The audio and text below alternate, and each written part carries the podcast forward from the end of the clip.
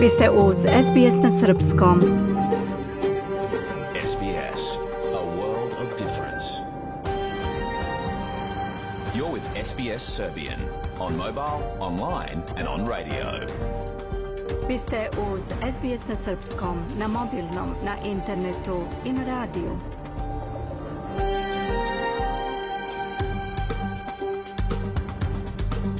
SBS odaje priznanje tradicionalnim vlasnicima zemlje za koje danas emitujemo program na srpskom jeziku. Ovim izražavamo poštovanje prema narodu Ranger i Vojvorang, pripadnicima nacije Kulin i njihovim prošlim i sadašnjim starešinama. Također odajemo priznanje tradicionalnim vlasnicima zemlje iz svih aboriđinskih naroda i naroda sa ostrva iz Torisovog Moreuza, sa čije zemlje slušate naš program. Dobar dan, danas je ponedeljak 6. juni 2022. U današnjem programu odmah posle pregleda vesti sledi opširni sportski izveštaj. Incident u vazdušnom prostoru Pacifika dodatno bi mogao da zategne odnos između Australije i Kine, reći ćemo više detalja i o tome. Rezultati trećeg u nizu istraživanja pokazuju da je naklonost građana Srbije Evropskoj uniji na najnižem nivou u prethodnih deceniju i po. Koji su razlozi? Reće Mija Nikolić. Tim studenta Mirobotics sa Fakulteta tehničkih nauka u Novom Sadu doneo je Zlato Srbije osvojivši utorak prvo mesto na ovogodišnjem takmičenju Eurobot 2022 u Francuskoj. Nataša Kampmark razgovarala je sa Andrijom Mirosavljevim, jednim od članova šampionskog tima. Ostanite sa nama do 16 časova.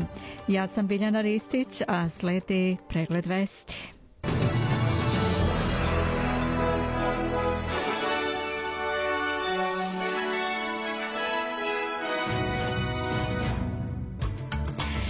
Premijeri i poslovna delegacija Australije doputovali u prestonicu Indoneziju oči razgovora na visokom nivou. Neizvesna poseta Lavrova Beogradu. Rafael Nadal po 14. put osvojio otvoreno prvenstvo Francuske.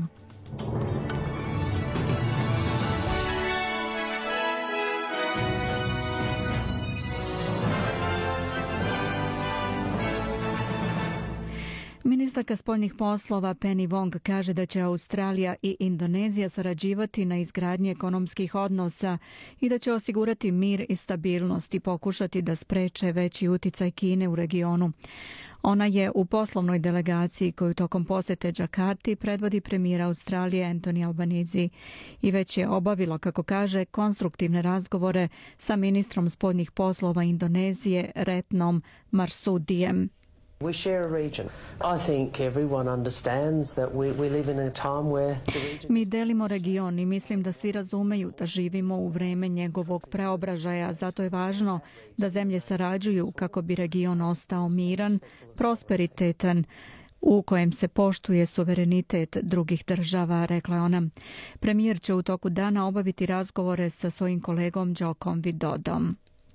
Umeđu vremenu, Antoni Albanizi je kineskoj vladi uputio poruku kojoj je rekao da je zabrinut zbog incidenta koji se desio kraj maja između australijskog osmatračkog aviona i kineskog borbenog aviona iznad Južno-Kineskog mora. Ministarstvo odbrane je saopštilo da je avion Rafa P-8 presretnut od strane kineskog borbenog aviona tokom patroliranja. Antoni Albanizi je to nazvao opasnim manevrom a frontbencher Bill Shorten je rekao za Kanal 9 da vlada neće ustuknuti.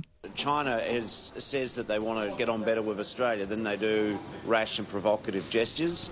Uh, Kina kaže da želi bolje odnose sa Australijom, a zatim brzopleto preduzima provokativne akcije, ali budemo jasni, australijska posada je bila na pravom mestu i uradila pravu stvar.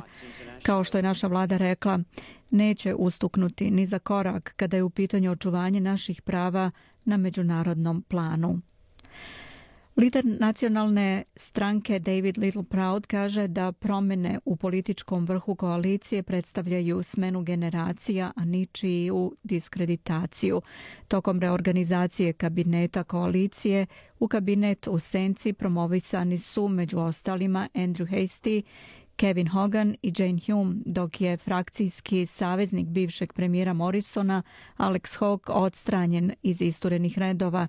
Također Dan Tehan i Stuart Robert dobili su znatno manji portfolio. I think the strong evolution of the culture that we're putting in not just in the National Party but also the Little Proud govoreći za Kanal 9 odbio je tvrdnje da je koalicija bila prisiljena da poboljša zastupljenost žena u vrhu partije posle izgubljenih izbora. Ali laboristički ministar Bill Shorten je za isti kanal rekao da je koalicija problem zastupljenosti žena trebalo davno da reši. It's certainly progress, but I mean, why do the Liberal Party always expect a bunch of flowers for On kaže da je to progres i da ne razume zašto liberali očekuju da im neko pošalje cveće u znak zahvalnosti što su otkrili 21. vek. Očekuje se da će Rezervna banka Australije sutra povećati kamatne stope kako bi se izborila sa rastućom inflacijom. Ekonomisti očekuju da će kamate porasti između 25 i 40 procentnih poena. Prošlog meseca Rezervna banka je povećala kamate sa rekordno niskog nivoa 0,1 na 0,35 odsto. To je bilo prvo povećanje kamatnih stopa u periodu skoro od 10 godina. Postoje predviđanja da sledi još povećanja kamatnih stopa u narednim mesecima kako bi se odgovorilo na rastuće troškove domaćinstava.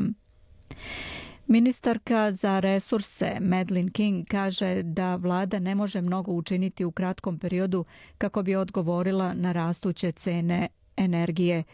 Cene gasa naglo su porasle zbog rata u Ukrajini i problema u lancu snabdevanja na što je nacionalni regulator odobrio oslobađanje veće količine gasa državama na istočnoj obali. Kad bi laboristička vlada donela odluku da se količine gasa namenjene izvozu povuku za domaću upotrebu, efekti bi se osjetili tek u januaru sljedeće godine. Ministarka King za ABC je rekla da vodi razgovore sa nacionalnim kompanijama.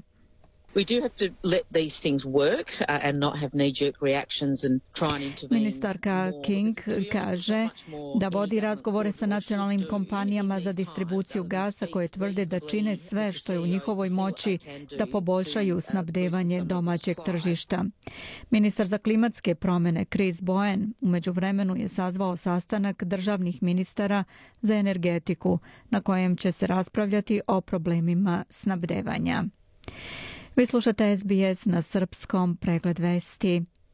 Savjetnik ukrajinskog predsjednika Mihajlo Podoljak izjavio je u intervju za opozicioni ruski portal Medusa da bi se rat s Rusijom mogao produžiti dva do šest meseci, prenosi Hina.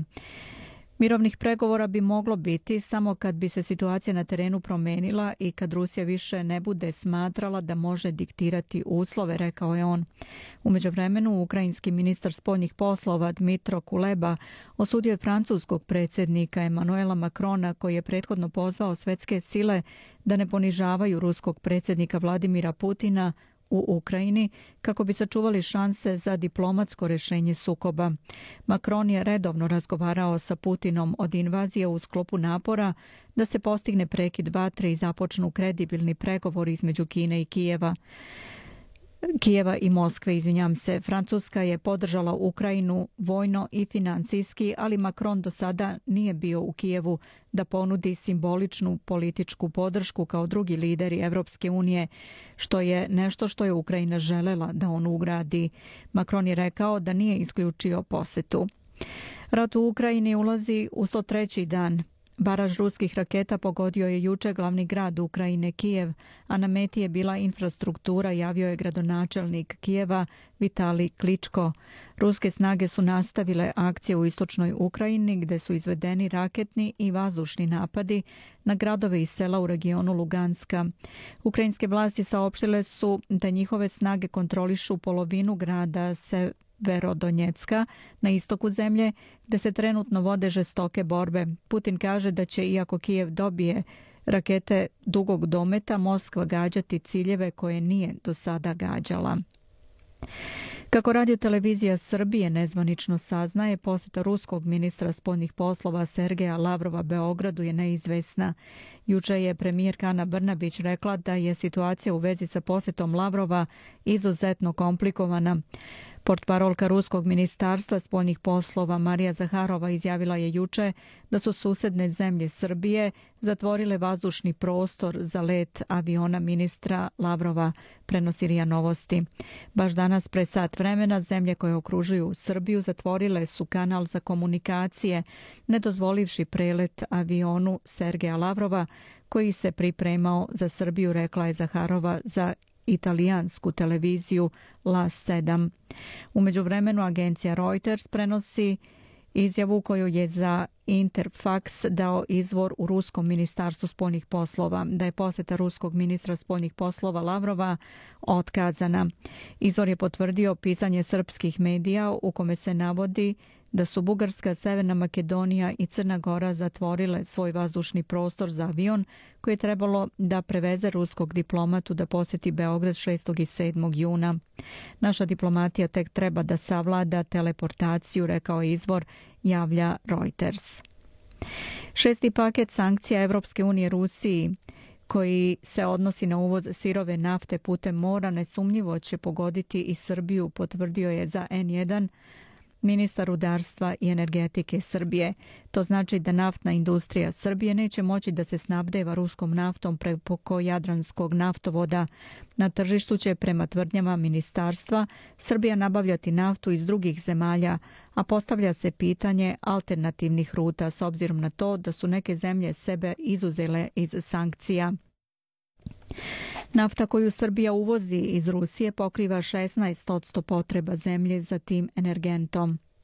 Šesti paket sankcija je stupio na snagu, a dejstvo će mu biti poznato za šest meseci kada je reč o sirovoj ruskoj nafti, a za osam u domenu naftnih derivata. To su tranzicioni rokovi ostavljeni zemljama članicama Evropske unije da realizuju postojeće dogovore i obezbede se iz drugih izvora. Nemački ambasador u Srbiji Tomas Šib izjavio je da je ključna poruka nemačkog kancelara Olafa Šolca koji planira da od 10. juna poseti Srbiju i region pokazivanje značaja Srbije i Zapadnog Balkana.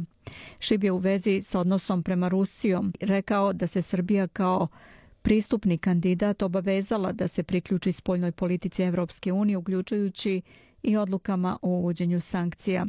Srbija se već priključila sankcijama protiv Belorusije i podržala je odluke Generalne skupštine Ujedinjenih nacija u pogledu napadačkog rata protiv Ukrajine kojim se krši međunarodno pravo. To su bili značajni koraci. Sada je bitno da se preduzimaju i drugi stavovi Evropske unije, dodao je ambasador. Upitan o radu nemačkih kompanija u Srbiji, da li se može očekivati da se to nastavi imajući u vidu trenutne političke okolnosti, ambasador Šib je rekao da iz svojih razgovora sa preduzetnicima iz Nemačke zna da pomno prate stav Srbije i njenu političku i ekonomsku orijentaciju. Patrijarh Srpski Porfirije uručio je juče na zajedničkoj liturgiji u Beogradu arhijepiskopu Stefanu Tomos. Zvanični dokument kojim Srpska pravoslavna crkva dodeljuje autokefalni status Makedonskoj pravoslavnoj crkvi Ohridskoj arhiepiskopiji. On je naveo da će dokument poslati i ostalim pravoslavnim crkvama, podsjetivši da je na nedavnoj zajedničkoj liturgiji u Skoplju objavio da je Sabor Srpske pravoslavne crkve dodelio status pune samostalnosti Makedonskoj pravoslavnoj crkvi Ohridskoj arhiepiskopiji. Arhijepiskop Stefan je, nakon što mu je uručen Tomos, rekao da su patrijarh Porfirije i Sabor Srpske pravoslavne crkve načinili korak od istorijskog značaja za Makedonsku crkvu i celo pravoslavlje. Da pogledamo i kolika je vrednost australijskog dolara danas. Prema američkom vredi 72 centa. 67 eurocenti, 58 britanskih penija i 78 srpskih dinara 93 pare. Na kraju ovog bloka da pogledamo i vremensku prognozu za ovo popodne. Mestimično je oblačno u Pertu 18 stepeni, pljuskovi u Adelaidu 14 Melbourne pljusak 2 u toku popodneva 13, u Hobartu pljuskovi 11, postepeni prestanak padavina u Kamberi 9. Vetrovito je i pretežno sunčano u Sidneju sa 17 stepeni. Povremena kiša u Brisbaneu 20. Darwin pretežno oblačno 32 stepena. U Srbiji se danas očekuje toplo i nestabilno vreme sa lokalnom pojavom kratkotrajnih vremenskih nepogoda. Jutarnja temperatura 14 do 20, najviša dnevna 31. Čuli ste pregled vesti SBS radija na srpskom jeziku. Za sve najnovije posetite sbs.com.au kosacrta news.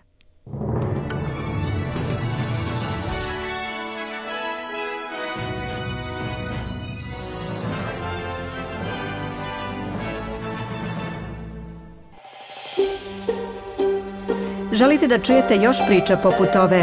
Slušajte nas na Apple Podcast, Google Podcast, Spotify ili odakle god slušate podcast.